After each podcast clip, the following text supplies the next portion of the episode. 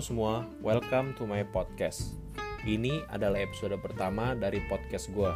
Sebenarnya gue udah cukup lama pengen buat podcast, tetapi karena kesibukan kampus yang gak selesai-selesai, harus gue postpone dulu keinginan gue sampailah hari ini di mana udah agak renggang, jadi gue buatlah podcast ini. Jadi, perkenalkan, nama gue Alvaro Teondra Undap. Gue biasa dipanggil Alvaro atau Theo Gua sekarang berumur 19 tahun. Gua lahir di Kupang NTT, tapi tumbuh dan berkembang di Tangerang Selatan. Sekarang gua menempuh studi di salah satu universitas di Semarang. Gua ngambil program studi oceanografi.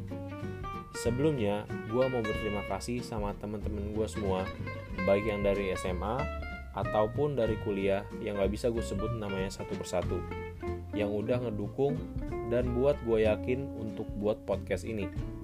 Podcast ini gue kasih nama Inside My Head. Kenapa Inside My Head? Karena nantinya isi dari podcast ini adalah yang lagi ada di pikiran gue saat itu juga.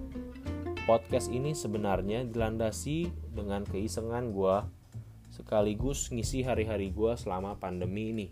Nah, untuk isi dari podcast ini, bakal banyak konsep-konsep yang akan gue bahas. Pokoknya kalian tunggu aja. Terus untuk kalian yang mau request gue bahas apa ataupun ngasih ide, bisa banget DM gue di Instagram di @alvaroundap. Untuk episode-episode selanjutnya, gue bakal upload kurang lebih seminggu sekali. Yang pastinya tiap harinya bakal ada bahasan-bahasan yang menarik. Podcast gue juga untuk ke depannya gue nggak bakal sendirian.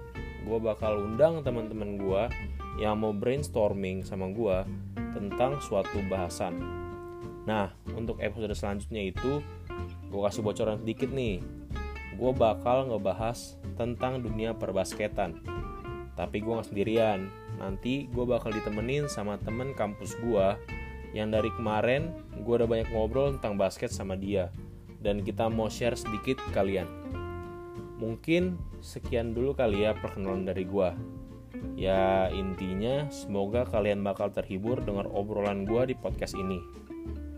Nah, gua ada pesen nih buat kalian. Jangan lupa buat stay at home ya.